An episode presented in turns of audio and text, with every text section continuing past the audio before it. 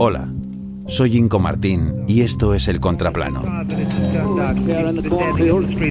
Un podcast que analiza noticias internacionales que normalmente no ocupan el primer plano mediático.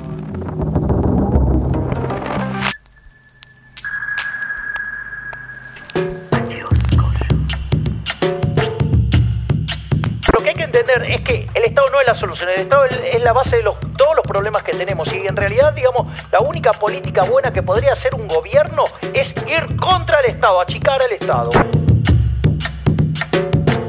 Se le conoce por su alocada melena y por su capacidad para crear furiosas polémicas lanzando datos económicos cual bombas de racimo. Javier Milei. ¿Sabes cuál, cuál es la diferencia entre un genio y un loco? El éxito. A mediados de agosto ganó las primarias argentinas con el 30% del voto. Economista, ultraderechista, anarcocapitalista, antiabortista, negacionista, pero sobre todo, libertario.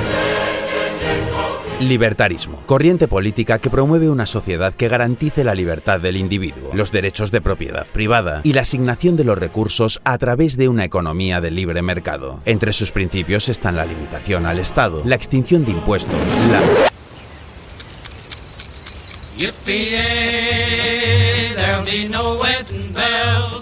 Grafton es un pequeño y perdido pueblo rodeado de bosques, allá en el estado de New Hampshire, noreste de los Estados Unidos, frontera con Canadá. En el 2004, este pequeño pueblo de apenas 1.300 habitantes se convirtió en un utópico experimento libertario, una horda de fieles del libertarismo, en la que despuntaba hombre blanco, soltero y pro posesión de armas de fuego. Hizo piña por internet y se instaló en Grafton dispuesta a crear un idílico Freetown, un Edén libertario basado en capitalismo, libertad individual y autorregulación. Tras inducir a la escasa población con sus dogmas libertarios, Grafton se convirtió en un paraíso de la libertad individual. ¿Quieres vender tus órganos o a tu bebé? Adelante. ¿Quieres organizar peleas tú mismo? Yo te respeto, bro. Reducción de regulaciones y también de impuestos, y con ello de los servicios municipales, policía, bomberos, infraestructuras, biblioteca. Crearemos un sector privado tan potente que sustituirá al sector público. El éxito. Las carreteras comenzaron a parecer queso gruyer, los servicios públicos daban pena y la violencia criminal se disparó. La pasta solo daba para un policía. Y la biblioteca, un templo contra la barbarie, solo abría tres horas diarias. Insuficiente.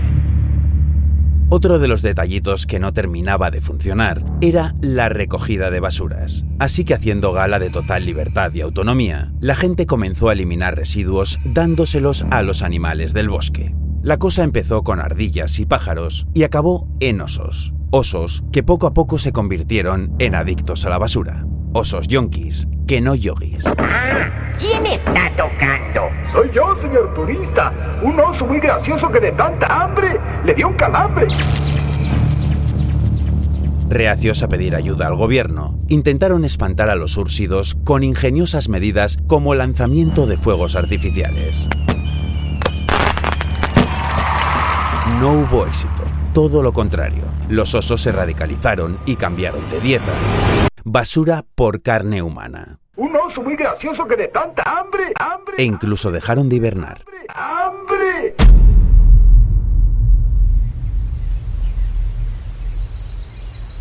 La ola de ataques de osos supuso la puntilla final al experimento. Un experimento que pasó de utopía a distopía y acabó en la nada. La horda libertaria se piró y el pueblo tuvo que aumentar el presupuesto en un 50% para intentar arreglar el desaguisado libertario.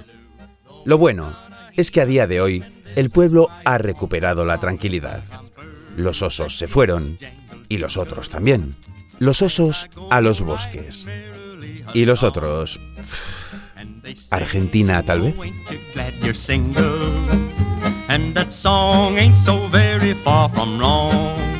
So I'll go jingling, a jangling, a jingling along.